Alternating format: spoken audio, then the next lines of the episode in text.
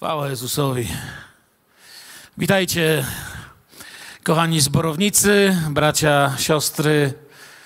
Jeśli są na sali jacyś goście, również Was witamy. Dzisiaj mamy ten środowy wieczór, kiedy uczymy się trochę ze Słowa Bożego, mamy biblijne nauczanie. Gdyby ktoś nas zapytał, dlaczego chcemy się uczyć ze Słowa Bożego, jakąż to lekcję chcemy z niego czerpać, to myślę, że naszym wyjaśnieniem będzie, e, można by to powiedzieć dość krótko, żeby kochać Boga z całego swojego serca i bliźniego swojego. A wszystko inne jest związane z tym. Od dwóch tygodni dzielę się z Wami takim cyklem nauczania, który nazwałem 40 lat Mojżesza, dlatego że jak pamiętamy, za każdym razem wyświetlamy to na początku wykładu.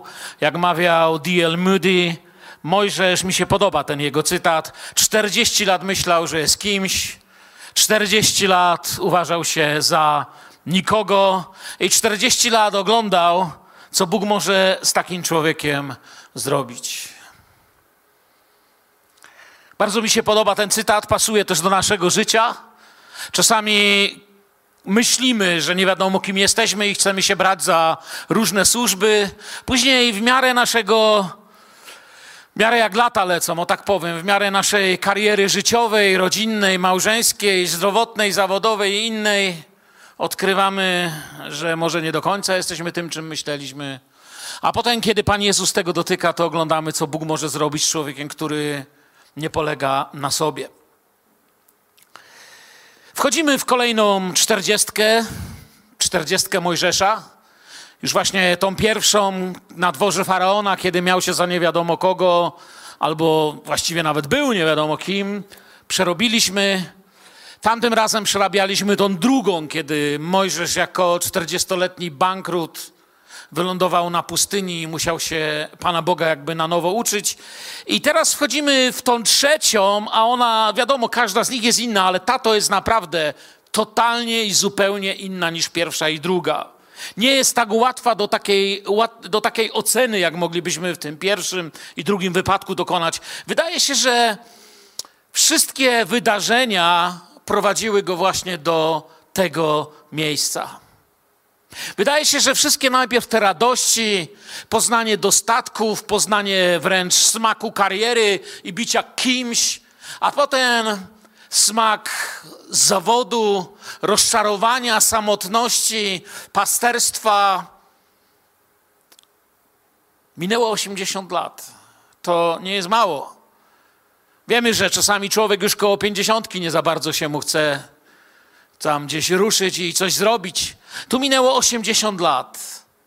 I również chciałbym Was dziś uprzedzić, bo być może spodziewacie się nie wiadomo jak dobrego wykładu Słowa Bożego, chcę powiedzieć, jest to dziś niemożliwe do wykonania w czasie, który mam, ponieważ trzecia czterdziestka Mojżesza obejmuje właściwie, chciałem powiedzieć najpierw do końca Księgę Wyjścia, ale właściwie obejmuje całą Torę, czyli wszystkie, y, albo jeśli już będziecie bardzo dokładni, to od miejsca, kiedy Mojżesz wychodzi praktycznie powołany przez Boga wyprowadzić naród, aż do końca Księgi Prawa, czyli musiałbym w około 40 minut, które mam, co najmniej albo streścić, czy zrobić egzegezę 30 y, iluś rozdziałów, albo czterech ksiąg. To jest niemożliwe. A więc uprzedzam, to będzie chyba najbardziej ogólny wykład, jaki tu słyszeliście. Jest takie powiedzenie po łebkach i naprawdę nie chcę kazania przygotować po łebkach, ale żeby poruszyć to, co chcę dziś powiedzieć, no to tylko trochę muszę się poruszać bardzo szybko i prawdopodobnie każdy z was, kto czytał o Mojżeszu, kto kocha Stary Testament, kto trochę zna życie Mojżesza, powie, wiesz co, no okej, okay, ale ominąłeś to, czy to, czy to. Ja wiem, nie sposób wszystkiego powiedzieć. Bo mam do omówienia księgę, z której wiecie, powiem tak, można by tylko z tej jednej mówić, to jakieś 40 lat można by głosić, albo 40 kazań powiedzieć. Jak mówię, ja mam około 40 minut. Powiem wtedy tak, to nie tyle ma być wykład, co to ma być zachęta. Moja główna myśl przewodna, chciałbym, abyście sobie przeczytali za mną na ekranie, na dzisiaj jest taka, że Bóg nie jest Bogiem, któremu powiemy, kiedy będzie potrzebny. Ale który nas powoła, gdy będzie chciał nas użyć i staniemy się potrzebni przez Jego wolę dla rzeczy pięknych i lepszych niż nasze plany. Tak sobie zapisałem w moim notesie, kiedy zastanawiałem się, gdyby ktoś z Was mnie spytał, co ja naprawdę chcę dzisiaj powiedzieć. Bo te pierwsze 40 lat to Egipt i Mojżesz szczery w motywach i niecierpliwy w działaniu oraz całkowicie niegotowy w poznaniu. Te drugie 40 lat to pustynia i Mojżesz, który musiał umierać dla wszystkich planów Mojżesza. Chociaż, jak popatrzeć głębiej, nie było tak źle, bo się inne fajne rzeczy pokazały. Znalazł pocieszyciela w osobie swojej żony, rodziny, teścia. Nie było tak źle, ale dzisiaj trzecie 40 lat to Jahwe i Mojżesz poddający się powołaniu i poddający się Bożemu prowadzeniu. W tym czasie, kiedy Mojżesz przebywa na pustyni, co się dzieje w Egipcie?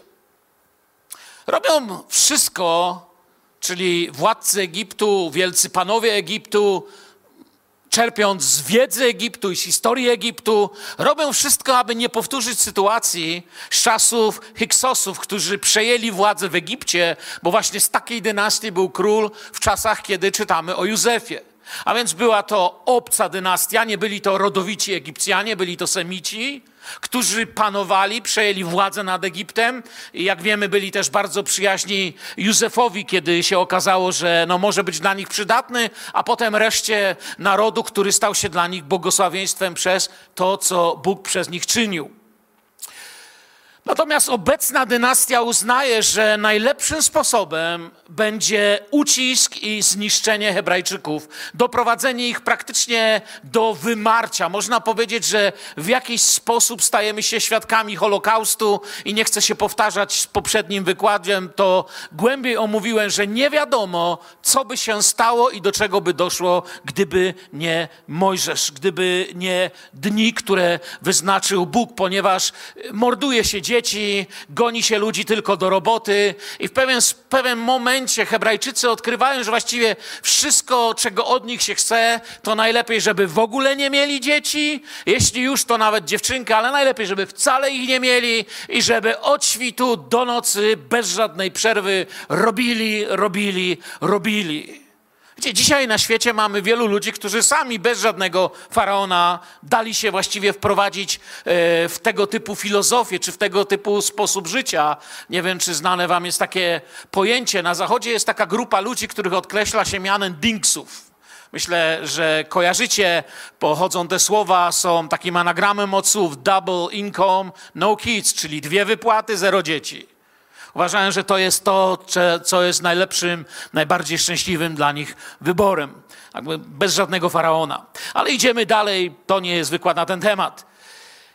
Druga czterdziestka zaczęła się, gdy przydała mu się jego porywczość i umiejętność walki. Jak wiemy, spotyka dziewczęta, którym pomaga przy studni i wchodzi w tą rzeczywistość midianicką, która zapełni jego następne 40 lat. Ratując te dziewczęta, zostaje z tą rodziną, znajduje tam żonę, jak już dzisiaj nawet wspomniałem, i dom na dobre i na złe. Pasie sobie któregoś dnia swoje owce i w tym miejscu skończyłem tamtym razem. Idzie po pustyni, przechodzi koło pewnej góry, o której zaraz przeczytamy. Idzie sobie i spotyka krzak i wszystko w jego życiu się zmienia. Idzie sobie ze swoimi owieczkami, daleko od domu, obok owa góra Choreb. I czytamy w Księdze Wyjścia 3.1, gdy Mojżesz pasał trzodę teścia swego Jetry, kapłana Midianitów, pognał raz trzodę poza pustynię i przybył do góry Bożej, do Chorebu. Hebrajskie Choreb oznacza wyschły, opuszczony, zniszczony, być może tak też czuje się Mojżesz. To, co suche, absolutnie nie potrzebuje ognia, ale to właśnie ogień na niego czeka. I przez ten ogień otrzyma życie. I właściwie przyszło mi do głowy, że dokładnie tak samo jest z Kościołem, że Kościół, który działa o własnych siłach, poczuje się rozczarowany i błądzący jak Mojżesz. Ale Kościół, który spotka ogień, poczuje się powołany i poczuje się w mocy jak Mojżesz. Dokładnie tak samo jest z Kościołem. Bez ognia i posłania jest wyszkolonym, znającym teologię, ale nieudolnym w swojej misji organizmem.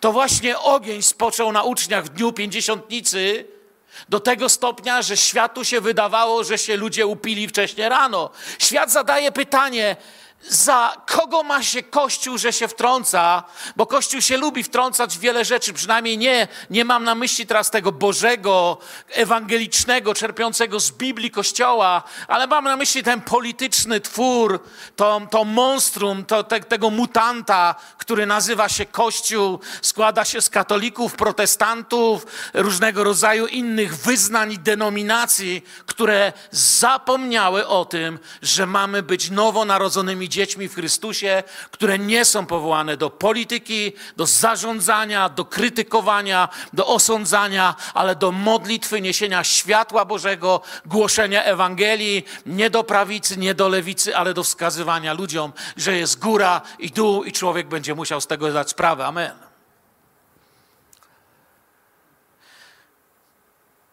Spotkanie z Bogiem wszystko zmienia. Nie da się zostać takim samym po spotkaniu z Jezusem. Nie da się zostać takim samym po tym, kiedy przeżyjemy chrzest Duchem Świętym. To się wszystko zmienia. Ale wracając do Mojżesza, czytamy w Księdze Wyjścia 3, 2, 3, trzeci rozdział, drugi, trzeci werset. Wtemu kazał mu się anioł pański w płomieniu ognia ze środka krzewu i spojrzał, a oto krzew płonął ogniem, jednakże krzew nie spłonął. Wtedy rzekł Mojżesz, podejdę, aby zobaczyć to wielkie zjawisko, dlaczego krzew się nie spala. Gdzie to jest ciekawe. My jesteśmy przyzwyczajeni do ognia, znamy fizykę, mieliśmy w szkole fizykę i tak dalej, i tak dalej. Chciałbym, żebyście wiedzieli, dla starożytnych ogień oznaczał coś, co już nie jest ze świata materialnego, ale prawie że jeszcze nie jest, ale prawie że jest ze świata niematerialnego. Nie dało się go wziąć do ręki, a jednak czuło się jego działanie. Był czymś jak wiatr, czymś nie do określenia. Czym na pustyni jest teraz krzak, na którym jest ten widoczny ogień, który nie sprawia żadnych widocznych zniszczeń? Czym na pustyni jest krzak? Powiem tak, a czymże jest człowiek? Czymże jest człowiek? To Bóg czyni wielkie rzeczy, jak chce. Raz przez krzak, a raz przez człowieka, który słabszy nawet jest niż ten krzak. Bardziej już wyschnięty i bardziej utracił moc. Ale kiedy ten ogień, który nie spala, spoczywa na człowieku, może człowiek iść dalej. Krzew się nie spalał, ale to nie oznaczało, że można było sobie, wiecie, z ręką w kieszeni nieodpowiedzialnie podejść i przyglądać się temu. Bo kiedy Mojżesz próbuje podejść, Słyszysz, że to jest co? Ziemia święta, że to jest miejsce spotkania. Coś jak Jakub wcześniej, Bóg był na tym miejscu, a ja o tym nie wiedziałem. Odnoszę wrażenie, że Ananiasz i Safira właśnie tego nauczania nie odrobili w swoim życiu. Ściąg buty, bo grunt, po którym zaczynasz chodzić, jest święty. Jeżeli możesz udawać, ale udając spowodujesz, że krzew zacznie się spalać, że twoje życie zacznie się spalać. Ściąg buty, Mojżeszu, to jest święta ziemia. Zdejm sandały dokładniej, bo to jest święta ziemia. I tak samo sandał starożytności, szczególnie w tamtej kulturze semickiej, Wiecie, my się dziś z tego śmiejemy, ale sandał był tam, nie był tam czymś obojętnym. Ręczono sandałem, można było dostać nawet sandał jako poręczenie, bo, bo był takim dowodem, że ten drugi ma ten ktoś. Mógł oznaczać prawo własności, prawo do, nie wiem, narzeczonej nawet. Był deklaracją siły, godności, stanowiska. Bywało, że ważny człowiek ściągał sandała, coś wiecie, jak na filmach czasami oglądamy, że kiedy jacyś ludzie nie mogą spisać dokumentu, a zawierają jakiś ważny, jak to mówią, deal, To nie wiem, czy widzieliście taki film, że na przykład przetargał 100 dolarów, nie? I mówi, ty masz tą połówkę, ja tą. Z powrotem to się sklei, jak załatwimy sprawę. Sandał był czymś ważnym dla starożytnego człowieka tamtych czasów. Niewolnik na przykład, jeśli byście chcieli wiedzieć, nie miał sandału, tak jak, nie wiem, przypadkowy szeregowy żołnierz na przykład. Później oczywiście to się zmieniło. Mojżesz stoi przed, Jachwą, przed Jachwę jako sługa, przed płonącym krzewem. Podchodzi, przygląda się. Pan do niego mówi, ściąg sandały, ziemię, na której stoi jest święta, zaczyna z nim rozmawiać. On przyjmuje postać sługi i w takiej postawie właśnie chodził Jezus. Dokładnie w takiej samej postawie, jak Mojżesz teraz przyjmuje. Od tego momentu do tego krzewu, aż do góry nebo, będzie wędrował w postaci sługi i wstawiennika. Sługa to ten, który nie patrzy na to, kim jest, ale jest gotowy służyć, a wstawiennik to ten, który jest gotowy własne życie położyć za tych, o których się modli. I to właśnie będzie w Mojżeszu, co było w, nie, w Jezusie. Do takiej postawy zostaliśmy my powołani jako Kościół. Dlatego powiedziałem, że te lekcje, nawet gdybyśmy się niczego nie nauczyli, mają nas uczyć właśnie kochaj Pana z całego swojego serca i swojego bliźniego. Bóg opowiada mu, że cały czas widział i słyszał, co się dzieje w Egipcie. Bóg nie wrócił z 40-letniego urlopu i nie mówi mu, słuchaj, co tam w tym Egipcie, może byśmy zaglądnęli. Bóg mówi, nie, to doszło do mnie. Słyszałem ich krzyk, słyszałem ich jęk, słyszałem ich skargę. Jak mówiłem w drugim tym, to nie do końca chodzi o to, że Bóg mówi, że usłyszał ich modlitwę. Wielu z nich się nie modliło, wielu z nich nie wierzyło, wielu z nich zaczęło wątpić, ale Boża wierność nie opierała się na ich danej sytuacji, rozczarowaniu, rozbiciu i plecach pełnych blizn i ran. Boża wierność opierała się na przymierzu zawartym z Abrahamem, Izaakiem, Jakubem. On był Bogiem wiernym swoim przymierzom. I w Księdze Wyjścia 30 mówi przeto, teraz idź Posyłam cię do faraona. Wyprowadź lud mój synów izraelskich z Egiptu. I to jest ta pierwsza zmiana, ten wstrząs. No bo tylko co widzieliśmy Mojżesza, który wiecie, przysłowiowe rękawy podwinął, bo pewnie ich nie miał w tamtym klimacie, ale wziął zatuk Egipcjanina i mówi, ja tu jestem ten gość powołany do tych spraw, jestem fachowcem od tych spraw, zakopać Egipcjanina, wychodzimy z Egiptu, nie? I tak dalej. Ale musiał uciekać, to nie był ten czas, nie ta pora. I teraz, kiedy Bóg do niego mówi, pójdziesz do Egiptu i działaj, Mojżesz nie cieszy się, no nareszcie, 40 lat czekałem, gdzie ty byłeś. Nie, nie, te 40 lat z sercem sługi coś uczyniło, te 40 lat on pośród owiec nabył pewnej pokory, pewnego wyczucia. Dlaczego miałbyś Jachwę posłać mnie?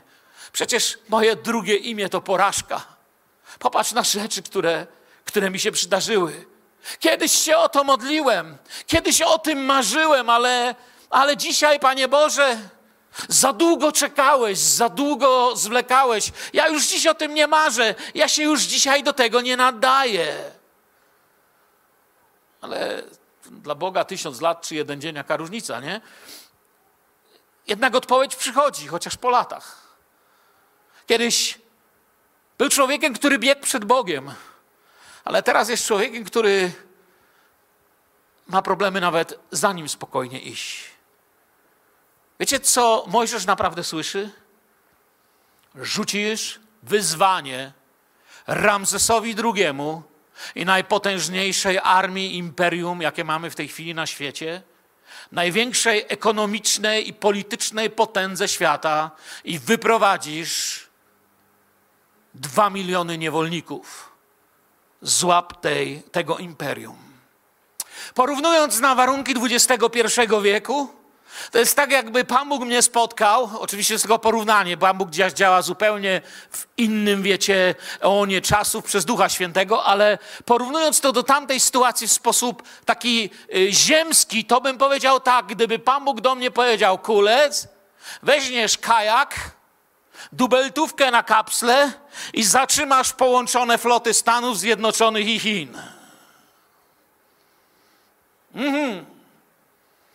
A dubeltówkę mam wziąć naładowaną, czy nie? Wiecie, o czym mówimy? Żeby pójść, trzeba być pewnym. Mojżesz wyruszy i idzie po pustyni i wiecie, wcale nie wędruje z wielką armią, idzie z osłem i z bratem, który odstępuje na każdym kroku od Boga. I z wiarą, która ich prowadzi. I Księga Wyjścia 3.11 mówi nam, a Mojżesz rzekł do Boga, kimże ja jestem, bym miał pójść do Faraona i wyprowadzić synów izraelskich z Egiptu? Kimże ja jestem? Kiedyś uważał inaczej, ale, ale teraz tak mówi. I to są te, wiecie, te wymówki, z których się uczymy. Jeśli pamiętacie, możecie sobie cofnąć się. Mamy na naszej stronie archiwum kazań, są też na innych stronach. Kiedyś mówiłem, to było dokładnie 25 lipca 2018 roku. Dzieliłem się z wami słowem pod tytułem wymówki. Właściwie dzisiaj mógłbym tu powtórzyć to kazanie. Mówiłem wtedy o tych wymówkach, które miał Mojżesz. Te wymówki, kim ja jestem. Co ja powiem, że kto mnie posłał do faraona? A nawet jak powiem, to nie uwierzą. A poza tym ja nie potrafię mówić. I praktycznie, tak jak mówię, zachęcam do tamtego kazania, zachęcam również do lektury Słowa Bożego, ale zobaczcie, o samych tych czterech wymówkach można by dzisiaj, nie wiem, cztery nauczania zrobić, nie? Te obawy, kimże ja jestem, nie muszą być do końca złe, jeśli staną się tematami, które przerobimy z Bogiem ale do tego się dorasta. Tu jednak Mojżesz potrzebuje Bożego działania i zachęty. Gdyby, gdyby był koło niego jakiś kaznodzieja, gdyby ktoś mógł mu powiedzieć takie jakieś kazanie, które by go zbudowało, albo się o niego pomodlić, jakiś doradca, ale stoi przed krzakiem i Bóg mu to daje i on musi z tym się zmierzyć. Gdyby, pomyślcie na przykład, podszedłby do niego, nie wiem, Jonathan Edwards i powiedziałby do niego najbardziej legendarne kazanie w historii ewangelicznego chrześcijaństwa, czyli grzesznik w rękach rozgniewanego Boga. Wiecie, kiedy Edwards to kazanie głosił?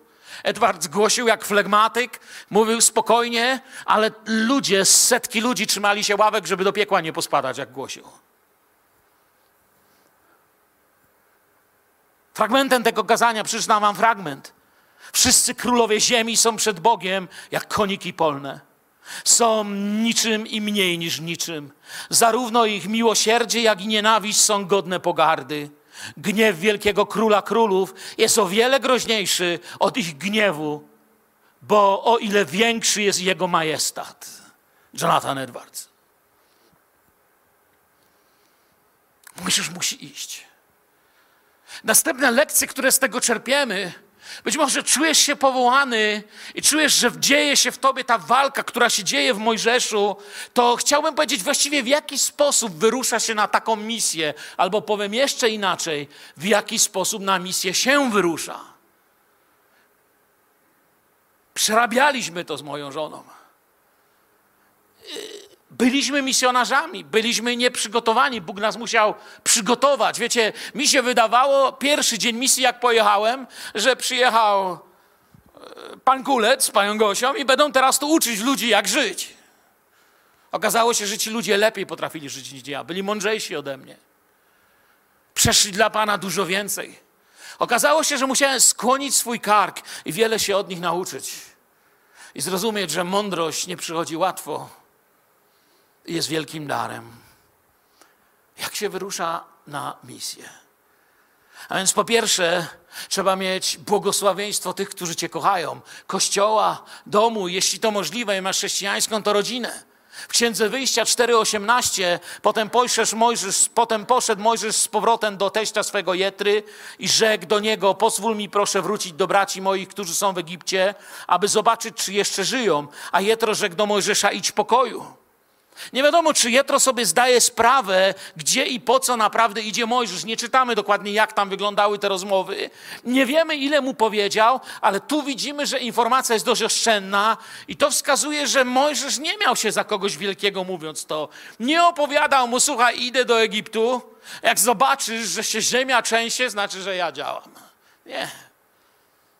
Idę, a oszczędnie mówi. Chodzenie w Bożej obietnicy jest drugą rzeczą, którą musisz mieć, jeśli chcesz wyruszyć na misję. A więc pierwszą powiedziałem jest błogosławieństwo tych, co Cię kochają. Nigdy nie zapomnę, już przed misjami we mnie to było, co usłyszałem dokładnie tutaj od naszego pastora, który mówił, że gdy mnie Bóg powołuje, to powoła mnie razem z moją żoną. Amen, pastorze, tak mnie nauczałeś. Kiwa głową, nie pamięta troszkę. Pan Bóg go błogosławi. I kiedy poszedłem mojej żonie powiedzieć, to nie zdążyłem skończyć mówić. Ona mi powiedziała, że ona wie, z czym przyszedłem. Ona już wcześniej wiedziała. Błogosławiliście wy nasz wyjazd. I to, co tu chcę powiedzieć, chodzenie w Boże obytnicy odbywa się w ten sposób też, że cała rodzina bierze udział w powołaniu. W Księdze Wyjścia 4,19, zobaczmy 4,19 i dalej. I rzekł Pan do Mojżesza w ziemi Midianitów, idź, wróć do Egiptu, bo zmarli wszyscy mężowie, którzy czyhali na twoje życie. I co Mojżesz robi? Wziął tedy Mojżesz swoją żonę i swoich synów. Mojżesz wyrusza z rodziną i wrócił do ziemi egipskiej. Wziął też Mojżesz laskę Bożą do ręki. I rzekł Pan do Mojżesza, gdy wrócisz do Egiptu, bacz, byś dokonał przed Faraonem wszystkich cudów, do których udzieliłem Ci mocy. Ja zaś znieczulę serce jego tak, iż nie wypuści ludu. I powiesz do Faraona, tak mówi Pan, moim synem pierworodnym jest Izrael. Mówię do Ciebie, wypuść syna mojego, aby mi służył. Jeśli będziesz się wzbraniał od wypuszczenia go, ja zabiję Twojego syna pierworodnego. Zobaczcie, jego powołanie jest jasne, i oprócz zapowiedzi prawdziwej walki, ma teraz obietnicę, której wcześniej nie miał. Ja będę z Tobą, mówi Bóg. Ja z Tobą będę.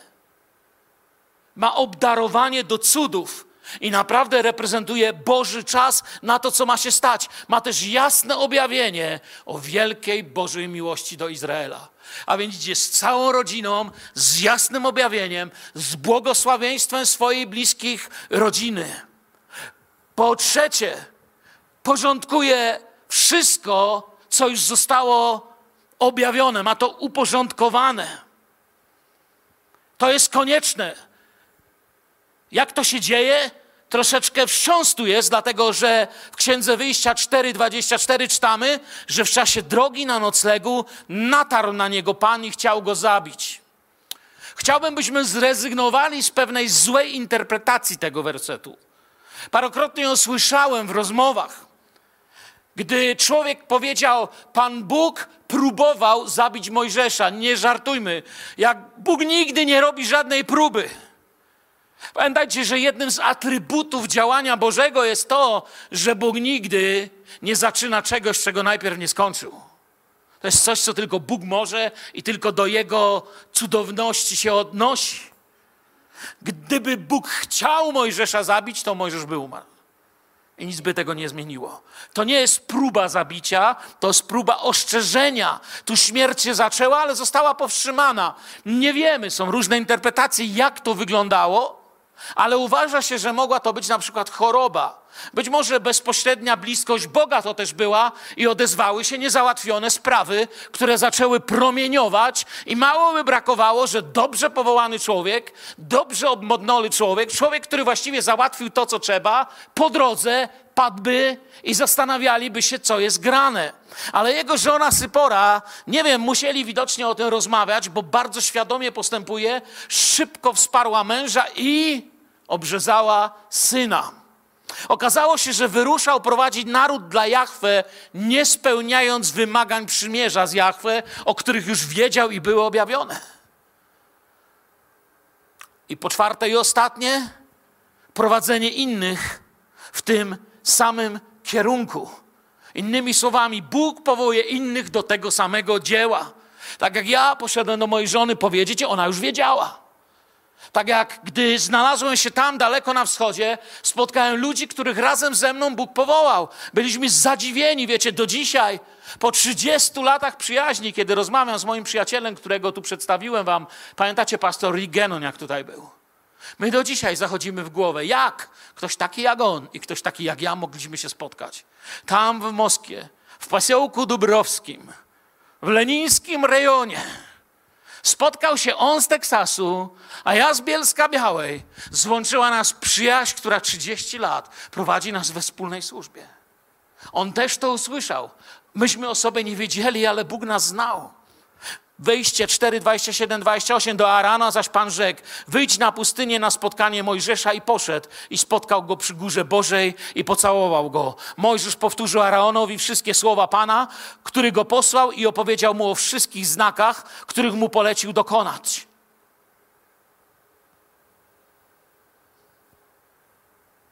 I po ostatnie, naród rozpoznaje jego powołanie. Wyjścia 4:29 mówi nam: i 31. Potem poszedł Mojżesz z Aaronem i zebrali wszystkich starszych Izraela. Aaron zaś powtórzył wszystkie słowa, które Pan wypowiedział do Mojżesza, a ten dokonywał znaków na oczach ludu. I lud uwierzył. A gdy usłyszeli, że Pan ujął się za synami izraelskimi i że dojrzał ich niedole, pochylili głowy i oddali pokłon. A takie znaki będą towarzyszyć tym, którzy uwierzyli. W księdze Mojżeszowej mu to mamy. Nie tylko w 16 rozdziale Ewangelii Marka. Mojżesz musi w nich coś obudzić i to się zaczyna w nich budzić. Wielu zapomniało już o Bogu. Na razie spotyka się z tymi, którzy mają to szczęście nie być pod batem, ale idą głębiej. Wielu zapomniało już o Bogu, myśleli może za dużo o sobie lub uwierzyli w kłamstwo, że Bóg o nich zapomniał. A faraon? Pozwólcie, że powiem coś o faraonie. Faraon nie zamierzał pomagać jakiemuś duchowemu przebudzeniu tak jak świat nie zamierzał mu pomagać. Faraon, widząc, co się dzieje, jak mówię, nie mam czasu szczegółowo wszystko zgłębiać, mówi w księżce wyjścia, piąty rozdział, siódmy, dziewiąty werset, nie dawajcie odtąd ludowi, ludowi słomy do wyrabiania cegieł, tak jak poprzednio. Niech sami idą i zbierają sobie słomę.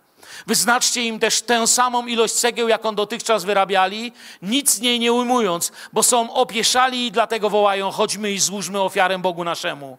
Niech praca tych ludzi będzie cięższa i niech, niech nią będą zajęci i nie, będą się, i nie będą się zajmowali bredniami.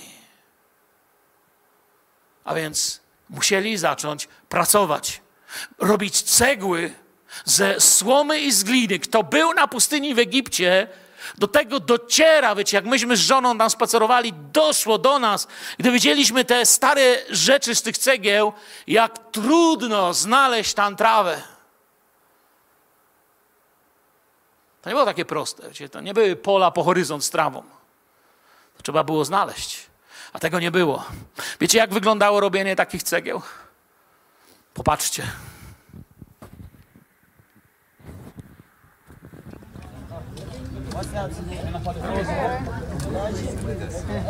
Witajcie, witam Was z Egiptu. Jesteśmy w Dolinie Królów i jesteśmy dokładnie w tym miejscu, gdzie Żydzi musieli lepić cegły zrobione z gliny i siana.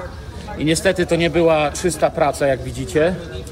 Ręce musieli trochę pobrudzić i chcę Wam pokazać, w jaki sposób lepili cegły z gliny kiedy e, byli do tego zmuszani przez Egipcjan. Za mną widzicie oryginalnych ludzi, mieszkańców tego terenu, którzy tutaj zamieszkiwali.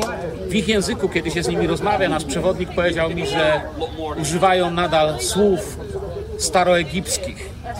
Mamy tutaj glinę, zobaczmy teraz tutaj w dół.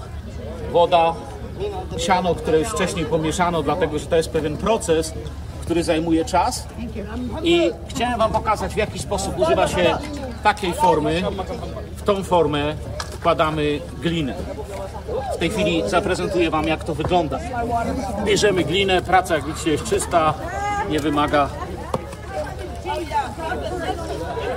uszana. Glina jest sianem. Nie jest to pierwsza cegła, dlatego że pierwszą cegłę egipską ulepiła Gosia. To jest druga, ale mam nadzieję, że będzie równie dobrej jakości jak ta pierwsza. Ubijamy.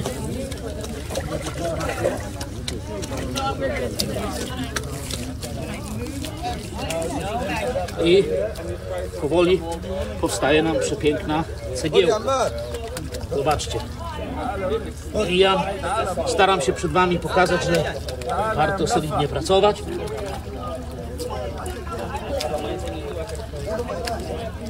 Proszę bardzo. Mamy piękną, oryginalną. O. Mamy oryginalną egipską cegłę, siana i gliny.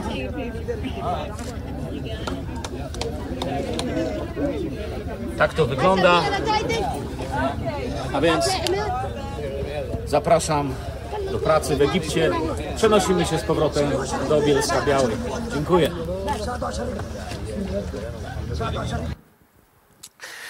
Powiem wam, że to było ciekawe wydarzenie, dlatego że to nie jest miejsce, gdzie jeżdżą turyści. To był pomysł naszej wycieczki i dlatego miejsce było szczególnie piękne, ponieważ też Egipcjanie nie byli przyzwyczajeni w ogóle do turystów. Nigdy wcześniej nie widzieli autobusu takich głupich ludzi, żeby chcieli się pobrudzić gliną. I mając na myśli, że pierwszą cegłę egipską ulepiła Gosia, nie miałem y, na myśli historii całego Egiptu starożytnego, miałem na myśli polską, y, polską myśl pracy, którą włożono w Egipt. E, Mojżesz idzie i ratuje teraz lud, który musi wykonywać taką pracę. Musi tego robić kilka tysięcy dziennie, nie jedną taką cegłę. Musisz toczyć walkę. Z kim musisz toczyć walkę? Musisz toczyć walkę z bóstwami Egiptu i wiecie, to nie był jakiś kraj na zasadzie, że nie miał swojej religii, nie miał swojej siły, nie miał swojej mocy. Wręcz przeciwnie. Nad nim były ogromne duchowe wpływy. I dlatego temu wyjściu, kiedy Mojżesz wyprowadza już, kiedy serce faraona się złamie i wyprowadzi naród, będzie temu towarzyszyć, będą temu towarzyszyć plagi. Księga Wyjścia mówi w siódmym rozdziale, trzecim wersecie, a ja zatwardzę serce faraonowe i rozmnożę znaki moje i cuda moje w ziemi egipskiej. Plagi nie są bezmyślnym szałem Boga, z których cieszy się Mojżesz. Faraon jest pierwszym agnostykiem na świecie, który zadaje pytania, kim jest w ogóle ten wasz Bóg. I zatwardzenie jego serca często bywa naszym pytaniem. Mówimy sobie momencik, to, to, to jak to jest, że idzie Mojżesz, prosi go, żeby wyszedł, a Bóg mówi, ale ja zatwardzę jego serce. Co tu się w ogóle dzieje? No to wiadomo, że jak zatwardzi, to nie wypuści i tak dalej. A więc kim jest ten nasz Bóg i co tutaj się właściwie wyrabia? Dokładniej to zatwardzenie oznacza, to zatwardzenie serca oznacza obciążenie, uczynienia serca ciężkim. Czemu ciężkim? A, Bóg zaczyna mówić do Egipcjan w języku Egipcjan. Zwróćcie uwagę teraz w następnym filmie, który dla Was nagrałem, na piórko i wagę. Bo serce musi być jak piórko, a oto serce staje się ciężkie, a resztę zaraz powiem. Zobaczcie, zapraszam Was do niedawno odkrytego grobowca, oryginalnego grobowca w Dolinie Królów, gdzie nie zdążył nikt zniszczyć nawet wszystkiego, zostało to pięknie zabezpieczone. Sami zobaczcie. Witajcie, znajdujemy się w, w grobowcu El Medina, to jest cmentarz robotników. Chciałem Wam pokazać, jak wyglądał sąd ostateczny w grobowcu, który zachowało się najlepiej. Nie ma nigdzie w Egipcie lepiej zachowanego sądu ostatecznego. A więc szybciutko mamy barkę, która przewozi zmarłego w zaświaty. Oczywiście Egipcjanie tak w to wierzyli. Zmarły zostaje postawiony przed Anubisem, Widzimy tutaj króla Ptolemeusza, nie jestem teraz pewny, czy to jest piąty czy szósty Ptolemeusz. Później e, spróbuję to znaleźć i Wam powiedzieć. I on przeprowadza go na sąd ostateczny Ozyrysa. Tutaj widzimy, jak jego uczynki są ważone na wadze. Z tej strony mamy pióro prawdy. Ciekawe porównanie, że prawda waży tyle co pióro, co piórko. A tutaj mamy jego serce, czyli wszystko, co powiedział, co pomyślał, co zrobił, jest to ważone. Jeśli jest równo, mamy sędziów, którzy sądzą. Zobaczmy tutaj do góry. Widzicie, to są sędziowie. Podnosząc oczywiście w górę lub w dół, decydują. Tutaj mamy pewną równość. Następnie zmarły, czy król w tym wypadku, wprowadzany jest przed sąd. Tutaj jest stworzenie, które nazywa się Amit. Amit miał tył hipopotama, środek lwa i głowę krokodyla. Zwróćcie uwagę, żadnego z tych zwierząt nie chcielibyście spotkać w rzeczywistości w wodzie. Każde jest agresywne i śmiertelnie niebezpieczne dla Egipcjan. I oczywiście na końcu widzimy Boga Ozyrysa. I według tego wyroku Ozyrysa serce zmarłego, jeżeli było niesprawiedliwe, zostaje zjedzone przez Amita. Jeśli było sprawiedliwe, wchodzi do królestwa wieczności i może cieszyć się prawdą. Nawet jeszcze raz powtarzam, znajdujemy się w jednym z najlepszych grobowców, niezniszczonych, nieuszkodzonych. Kolory są oryginalne. Piękne miejsce do nauki historii tego, że Bóg włożył wieczność w serca ludzi. Zobaczcie, ludzie poszukiwali jakiejś wieczności, jakiejś prawdy. My poznaliśmy Jezusa.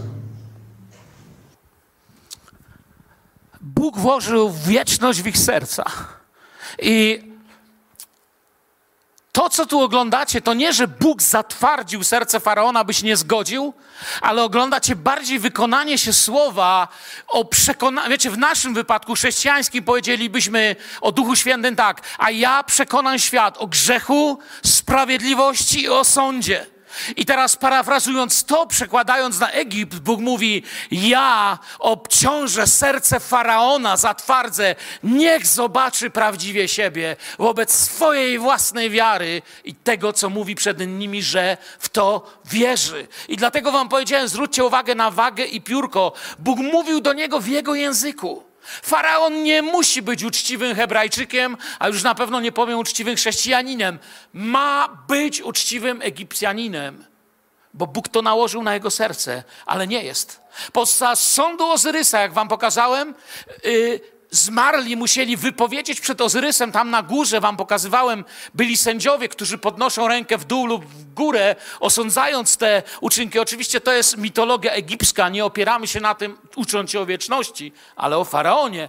Podczas sądu Ozyrysa zmarły musiał wyznać 42 zaprzeczenia, czyli 42 dwa fakty, o których musiał powiedzieć nie.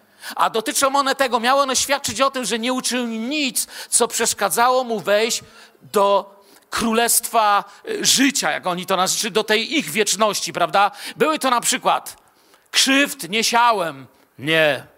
Nie mordowałem, nie.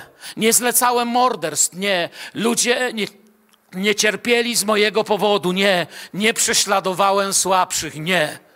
I duchowa moc Boża dotyka serca faraona. On nie może powiedzieć, że nie. To obciążenie serca faraona nawiązuje właśnie tu do tego wyznawanego przez niego samego sądu Ozyrysa. On ma włożoną wieczność w serce, jest stworzeniem Bożym, jest człowiekiem. Jest oczywiście poganinem, wierzy w krwawe bóstwa, ale taka jest prawda o jego duchowości. Nie będzie sądzony według prawa, którego nie zna ale łamie prawo, które zna. I kiedy Bóg złamie to, wiecie, można by o tym jeszcze dłużej mówić. Tutaj nasza księga bierze swoją nazwę, rozpoczyna się wyjście z Egiptu. Zobaczcie, jestem przy wyjściu z Egiptu, a gdzie do końca, nie? A ja chciałbym skończyć dość szybko już teraz, nie mówiąc, zbliżając się do końca, ale będę próbował jak najszybciej. Mam nadzieję, że ważnie nie zanudzam. Każda wolność musi tego doświadczyć, wiecie, i, i bo, bo brak tego, brak wolności, która nie doświadcza prawdziwej, uczciwej oceny własnego serca, powoduje, że ludzie przestają wierzyć nawet w to, co wierzą. W nic nie wierzą. Dlatego Ewangelia niesie życie na nowo. Człowiek potrzebuje jakiejś nadziei. Poganie czasami uchwycą się. Świetna książka jest, polecam każdemu z Was. Ktoś się może teraz zastanawia, dokładnie o czym Ty, Mirek, mówisz. Nie sposób, ja mówię, mógłbym godzinę tylko o tym mówić. Jest książka, jest antropolog, który się nazywa Don Richardson. Książka, którą przeczytałem dwa razy i teraz mógłbym przeczytać trzeci raz. Wieczność w ich sercach. Książka, która odpowiada właśnie na to pytanie, czym jest to, że Bóg włożył wieczność w serca dalekich ludów. Skąd to się wzięło, że szamani indyjskich plemion potrafili spisywać prawie że Ewangelię i misjonarze byli wstrząśnięci tym, jak Bóg się objawia. Skąd to się bierze, że tam, gdzie w Birmie i w dżunglach całego świata przychodzili, dzielili się Ewangelią i okazywało się, że jest w człowieku coś, co, co musi dać sprawę, musi odpowiadać na pytania. Jest jakaś nadzieja. Nadzieja ma swoim na to oczekiwanie i wyglądanie wyjścia. I my odkryliśmy i składam hołd i chwałę mojemu Panu Jezusowi. On jest moją nadzieją, wyjściem. Taka jest nadzieja. Jak spotkacie grzesznika, pamiętajcie, to nie chodzi o to, żeby go zbić. On może ma w coś nadzieję, może jakieś resztki nadziei są, że jakoś to jego, ten, ten jego to żywot uda cię posklejać, zebrać do kupy i wasze przesłanie może być ważne. Nadzieja jest taka, taka jak, jak motyl delikatna. Nadzieja się, pamiętajcie, jak pisał jeden poeta, karmi dobrymi słowami, modlitwami i przyjaźnią, kiedy nie ma już dokąd iść. I przychodzi dzień wyjścia. Dzień wyjścia jest zawsze przez krew baranka. Jeśli znalazłeś w swoim życiu wyjście, znalazłeś przez krew baranka. Amen? Jeśli znaleźli wyjście, znaleźli przez krew baranka. Dlatego zawsze przez wiarę. Nic tu nie było z człowieka. Nawet gałązki, którymi musieli pomazać odrzwia, wyrosły z powodu tego, że Bóg włożył życie w drzewko. Zarówno drzewo, jak i krew są Jego, tam i na Golgocie. Najciemniejszą noc jaką przyjdzie przejść, też jest Jego. Dlatego my, chrześcijanie, nie boimy się ciemności. Bo kiedy gaśnie światło dla grzesznika, to jego dusza drży. Kiedy gaśnie światło dla chrześcijanina, to wie, że jest jakby w Getsemane, że nie musi się bać, że ktoś tą ciemność już przeszedł i w tej ciemności nie ma nic, czego musiałby się bać. Faraon uważał, że ma wielkich bogów i sam jest przeciw Bogiem. Gdybym wam pokazał mm, te, te, te egipskie hieroglify o bóstwach, bylibyście wstrząśnięci, jak wyglądają. I teraz te plagi, które przychodzą, uderzają w te bóstwa. Najpierw, wiecie, nie opowiem wszystkich, znowu brakuje mi czasu, ale zobaczcie choćby na te główne, plaga krwi. Uderza w Hapi, boginię Nilu. Zaraz potem plaga żab uderza w Heket, czyli boginię żabę odpowiedzialną za narodziny. Plaga wyginięcia bydła na przykład uderza w Hathor, boginię nieba i matkę w kształcie krowy. Uderza też w wielkiego według Egipcjan Apisa, boga płodności i życia, plaga wrzodów. Jest wymierzona przeciwko bóstwu, które nazywamy Sechemet. Jej kapłanki używały prawdziwej magii, były prawdziwymi znachorami, potrafili leczyć choroby i dokonywać cudów, o których nam się nie śniło. Plaga gradu, na przykład i szarańczy, uderza w Seta i uderza w Izis, czyli bode, Bożek pogody, plaga gradu i szarańcza, bogini życia i się okazuje, że coś czyści wszystko, co żyje i ona się nie może sprzeciwić. Oczywiście poniża też takiego bożka, nazywał się Min. Jest odpowiedzialny za urodzaj, dziękowano mu za ziarno, plony i tak dalej. No, nie mam czasu o wszystkim opowiadać. Plaga ciemności pokazuje słabość i nicość wielkiego bóstwa egipskiego Amon-Ra, czyli słońca i Horusa. I na koniec największy Bóg bogów dla Egipcjan. Śmierć pierworodnych uderza w Boga Ozyrysa, Boga przez małe b, sędziego umarłych, jak wam pokazałem wcześniej w grobowcu, i patrona boskości faraona. A więc uderzenie w niego pokazuje, że nie jest Bogiem i że faraon też nie jest Bogiem. Że serce faraona musi się złamać. I pewnego dnia dwa miliony ludzi idących ku nowej rzeczywistości opuszcza Egipt. Księga Wyjścia mówi w 12 rozdziale 37 i dalej synowie izraelscy wyruszyli z Ramses do Sukot w liczbie około 600 tysięcy mężów pieszych oprócz dzieci, a szło z nimi także mnóstwo obcego ludu i trzody i bydła, bardzo liczny dobytek. Wyruszyli ale na plecach czuli oddech diabła, wroga. Ale Bóg ich oddzielał i działo się to samo, co się dzieje w Twojej duchowej rzeczywistości. Chcę, żebyś wiedział, anioł Pana a w naszym wypadku jest to prowadzenie Duchem Świętym w życiu chrześcijanina. Anioł Pana, czyli obecność Jezusa, tłumacząc ze Starego Testamentu na nasze. Anioł Pana był dla Egipcjan ciemnością po jednej stronie, a dla Hebrajczyków jasnością po drugiej. I tak samo ten świat podzielił Jezus. My widzimy światło i nowy kraj. Do siebie kiedyś mnie powołasz, śpiewaliście. Chwała Jezusowi. My widzimy Jego światłość, oni widzą tylko ciemność. I Żydzi wspominają te dni w święto Paschy.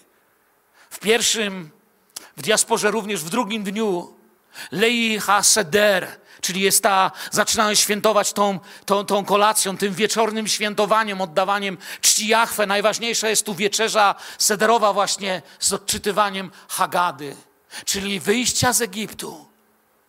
Ktoś otwiera księgę, inni słuchają przy stole i zaczynają po hebrajsku czytać. Byliśmy niewolnikami faraona w Egipcie. I tu rozpoczyna się też odliczanie do pięćdziesiątnicy w tym miejscu. Od dnia 16 Nisan rozpoczyna się liczenie Omeru.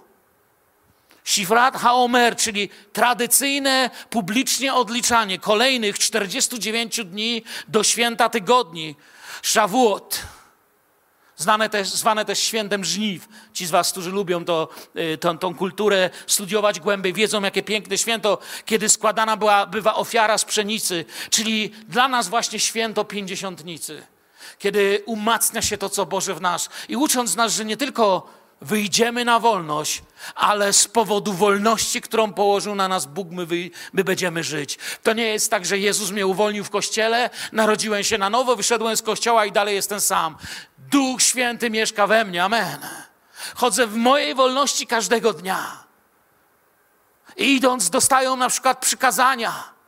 Mojżesz dostaje dwie tablice, dziesięć przykazań. O dziesięciu przykazaniach możemy powiedzieć tak: jeśli złamiesz to pierwsze, to na pewno złamiesz któreś z tych dziewięciu. Jeśli Bóg nie będzie moim jedynym Bogiem, to połamie któreś z tych dziewięciu pozostałych. Zawsze, kiedy łamię jakieś z przykazań, znaczy, że złamałem pierwsze i gdzieś Pana nie uczyniłem moim Paniem. Gdzieś Bóg nie był najważniejszy. Przykazanie, które Bóg daje, są na dwóch tablicach. Pierwsza tablica zawiera cztery przykazania które mówią, że Bóg jest jedynym Bogiem, jaki jest. Że jest tak, tak boski w swojej obecności, że nie musisz nic rzeźbić, nie musisz niczego tworzyć. On po prostu jest tutaj i nie waż się nawet tego robić. A po drugie, uważaj, jak wypowiadasz Jego imię, bo Jego obecność jest święta, ale też On chce mieć z Tobą relację, a więc zmień dzień, w którym się z Nim spotkasz. I to jest cudowne.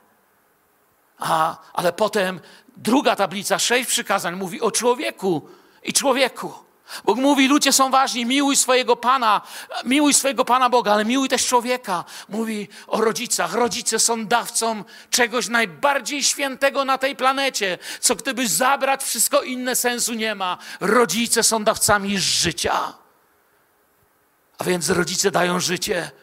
I Bóg mówi w dalszych przykazaniach, a więc będziesz czcił dawców życia, ale też życia zabierał nie będziesz, bo jest święte. To życie nie tylko jest święte w tym, w tym ciele, że go zabierał nie będziesz, ale znieważał przez twoje porządliwości tego ciała nie będziesz przez cudzołóstwo. Mało tego, nawet gdybyś tego ciała nie zabił i nie, nie rozebrał, to mu niczego nie ukradniesz, bo to, co mama ode mnie, Dostał to ode mnie, jest przeze mnie obdarowany, a więc nie będziesz go okradał, a spojrzysz w jego oczy, to chcę ci powiedzieć, w twoich oczach jest tchnienie Jachwę, które w ciebie włożył. I spoglądając te oczy, kiedy kłamie, Bóg mówi, nie, nie, Mirek, nie mów fałszywego świadectwa przeciw bliźniemu twemu. Rozmawiaj z istotą, której życie ja sam tchnąłem. Uważaj, to nie jest byle kto, to człowiek a więc nie będziesz mu niczego brał. Pożądał ani żony, ani żadnej jego rzeczy. To jest jego świętość. I powoli dochodząc do końca, sami widzicie, ile można by tu jeszcze powiedzieć. Pominąłem tak wiele ważnych miejsc. I dochodzę do ostatnich lat życia Mojżesza. Kończy się trzecia czterdziestka Mojżesza. Ostatnią księgą Tory jest piąta księga Mojżeszowa, albo jak wolicie, księga powtórzonego prawa składa się głównie z trzech kazań, z trzech kazań, które wygłosił swojemu ludowi Mojżesz, jakby wyjaśniając jeszcze raz, podsumowując wszystko, co się stało. To pierwsze kazanie jest od pierwszego rozdziału do czwartego, do 4,43. Drugie, jak ktoś chce sobie zapisać, od 4,44 do 11:32 i trzecie jest od 12 rozdziału aż do 33 wersetu do 29, y, od 33 rozdziału do 29 wersetu. Można by to umówić każde błogosławieństwo Mojżesza dla każdego z plemion. Mojżesz nie wejdzie do ziemi obiecanej. W Księdze Wyjścia cytuję teraz, nie będziemy tego czytać, w księdze, drugiej księdze Mojżeszowej, księdze wyjścia w 17 rozdziale, nie szukajcie na razie, pamiętacie to. Kiedy naród cierpi pragnienie, Mojżesz uderza w co? W skałę. Mojżesz uderza skałę i skała da się im napić. W księdze liczb w 20 rozdziale Znów naród narzeka i Pan przemawia jeszcze raz do Mojżesza, Księga Licz 28. Weź laskę, zgromadź zbór i ty i Aaron, twój brat, przemówcie na ich oczach do skały, a ona wypuści z siebie wodę.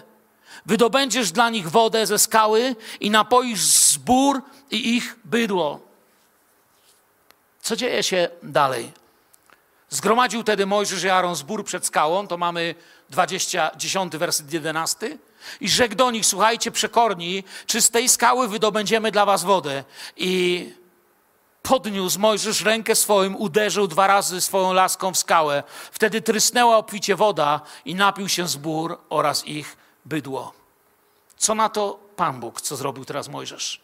To dwunasty werset jest tego samego rozdziału, 20-12. I rzekł Pan do Mojżesza i do Aarona, ponieważ mi nie zaufaliście, aby mnie uwielbić na oczach synów izraelskich, dlatego nie wyprowadzicie tego zgromadzenia do ziemi, dlatego nie wprowadzicie, przepraszam, tego zgromadzenia do ziemi, którą im daję. Mojżesz miał przemówić, ale uderzył. 150 lat Różnie interpretowano i do dziś zresztą różnie interpretuje się to, czemu Mojżesz nie wejdzie, ale prawie, przepraszam, nie 150, nie powiedzieć 1500 lat czekaliśmy na wyjaśnienie i były różne interpretacje. W pierwszych wiekach Kościół zobaczył to w ten sposób. Pierwszy raz Mojżesz uderza w skałę w Księdze Wyjścia w 17 rozdziale, co przynosi ratunek i wytryska z niej woda. Co to za skała jest? Kim była ta skała? A skałą tą był? Jezus, tak. 1 Koryntian 10, 3, 4 i wszyscy ten sam pokarm duchowy jedli i wszyscy ten sam napój duchowy pili. Pili bowiem z duchowej skały, która im towarzyszyła, a skałą tą był Chrystus. O skale tej, o Chrystusie napisane jest, mocą tej woli jesteśmy uświęceni przez ofiarowanie ciała Jezusa Chrystusa raz na zawsze i nigdy drugi raz Mesjasz uderzony nie będzie, interpretowali. Za drugim razem Mojżesz był poproszony nie o działanie, a o modlitwę, ale zamiast się modlić, rozpoczyna działanie.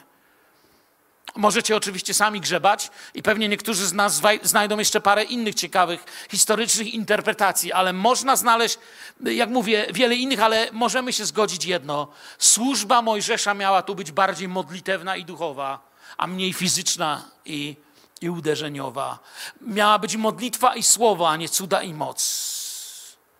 Lekcje dla nas, podchodząc już naprawdę do końca dzisiejszego wykładu, to co robimy Pokazuje, na ile wsłuchałeś się w słowo. Czy usłyszałeś dziś, co Pan do ciebie mówi?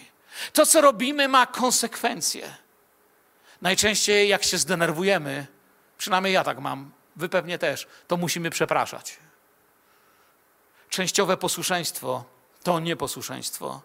I pomimo naszej niedoskonałości, on i tak nie da nam umrzeć z pragnienia. I dochodzą do góry nebo. 34 rozdział Księgi Powtórzonego Prawa, jesteśmy na samym końcu.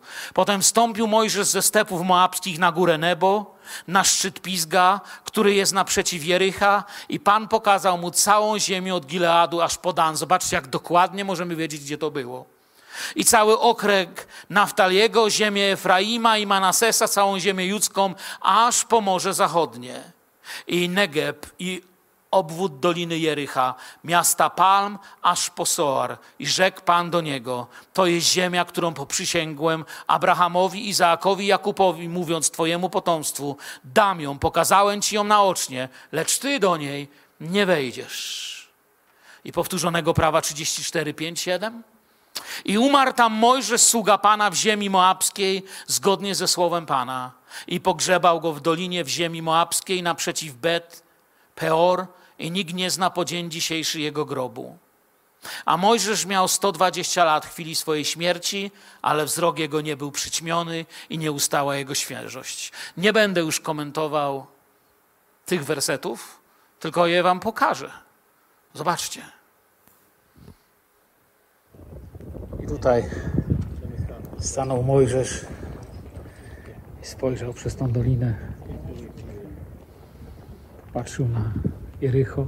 So once you get to the edge Było here, don't widać jump, Jordan, but you can you'll see the, the northern end of the Dead Sea. widać Morze Martwe. then the, the Jordan River is going to be just overside that other ridge. It's going to go all the way up to the Sea of Galilee.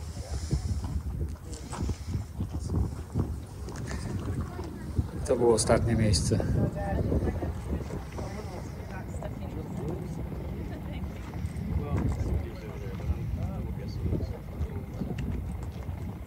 It's not that area.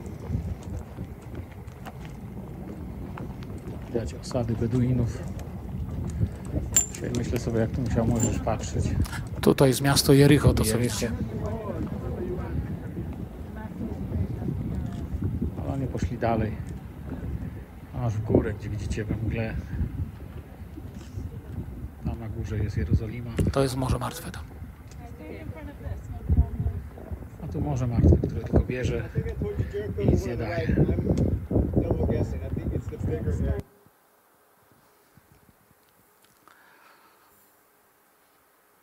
Kim by byli, gdyby Bóg nie pracował nad Mojżeszem i nad nimi?